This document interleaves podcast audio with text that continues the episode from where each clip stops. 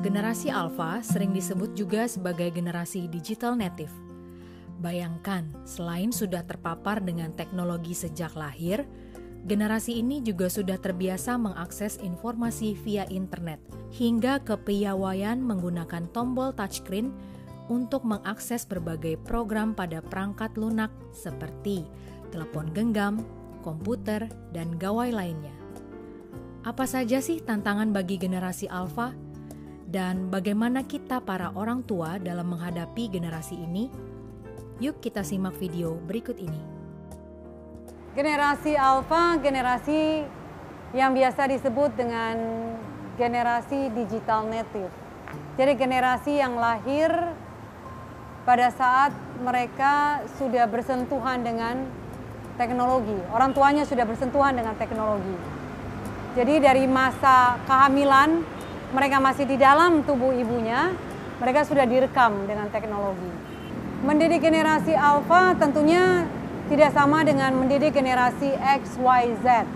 Generasi X, Y, Z, generasi yang uh, lahir di bawah tahun 2000, tahun 2000. Di atas tahun 2000 kita sebut sebagai generasi alpha. Tentunya orang tua harus bisa beradaptasi gap ini yang terkadang membuat orang tua lupa bahwa anak-anak ini berbeda dengan anak-anak generasi sebelumnya. Tapi perlu dipahami, teknologi bisa menjadi seperti pedang bermata dua, bisa menjadi positif, juga bisa menjadi negatif. Dalam arti positif berarti kita bisa menggunakan teknologi untuk mempermudah komunikasi, mendapatkan informasi, berinteraksi dengan orang lain lebih mudah. Tapi di lain pihak kita juga menemukan bahwa teknologi bisa menjadi dampak yang negatif. Mungkin saya ambil contoh seperti pornografi. Pornografi menjadi begitu mudah diakses oleh anak-anak disengaja maupun tidak disengaja. Semua aktivitas anak-anak tidak berhadapan dengan manusia, tidak berhadapan dengan makhluk hidup, sehingga anak-anak menjadi telat berbicara. Anak-anak tidak punya skill, keterampilan untuk berinteraksi dengan orang lain. Anak-anak menjadi anak-anak yang tantrumsnya berkelanjutan. Anak-anak menjadi anak-anak yang tidak punya rasa percaya diri dan tidak punya rasa penghargaan diri. Anak-anak ini menjadi anak-anak yang sangat rentan dengan dengan kondisi untuk menyerah. Kalau bicara kapan usia yang tepat untuk memberikan gadget kepada anak usia dini, semakin lama semakin baik Bayangkan mereka yang menemukan teknologi ini, tapi mereka menentang untuk memberikan gawai kepada anak sebelum 14 tahun.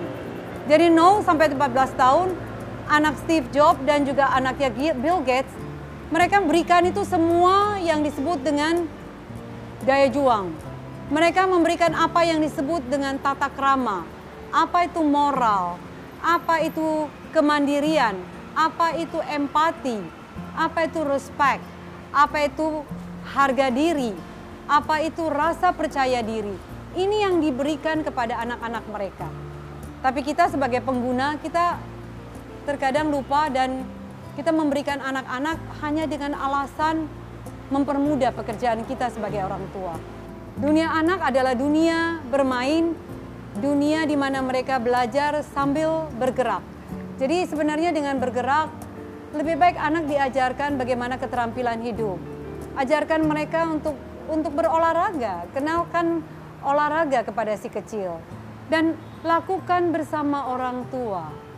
Anak-anak yang diberikan kebebasan sepenuhnya tidak akan pernah punya tujuan, visi dan misi dalam hidupnya. Anak-anak harus diberikan jadwal, itu satu. Yang kedua, hadir hadir pada saat anak-anak diberikan jadwal tersebut. Kalau tidak bisa, berikan pendelegasian dan yang ketiga pengontrolan. Karena setiap anak unik dan berbeda. Metode disiplin pun berbeda dari dari setiap anak.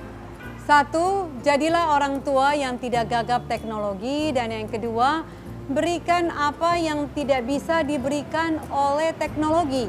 Contohnya seperti apa? Kemandirian, empati, daya juang, respect, lalu bagaimana punya harga diri, punya rasa percaya diri. punya keterampilan berbahasa dan punya keterampilan untuk bersosialisasi dengan orang lain. Saya Novita Tanri, parenting expert, psikolog anak dan remaja, happy parenting, the hardest job you will ever love.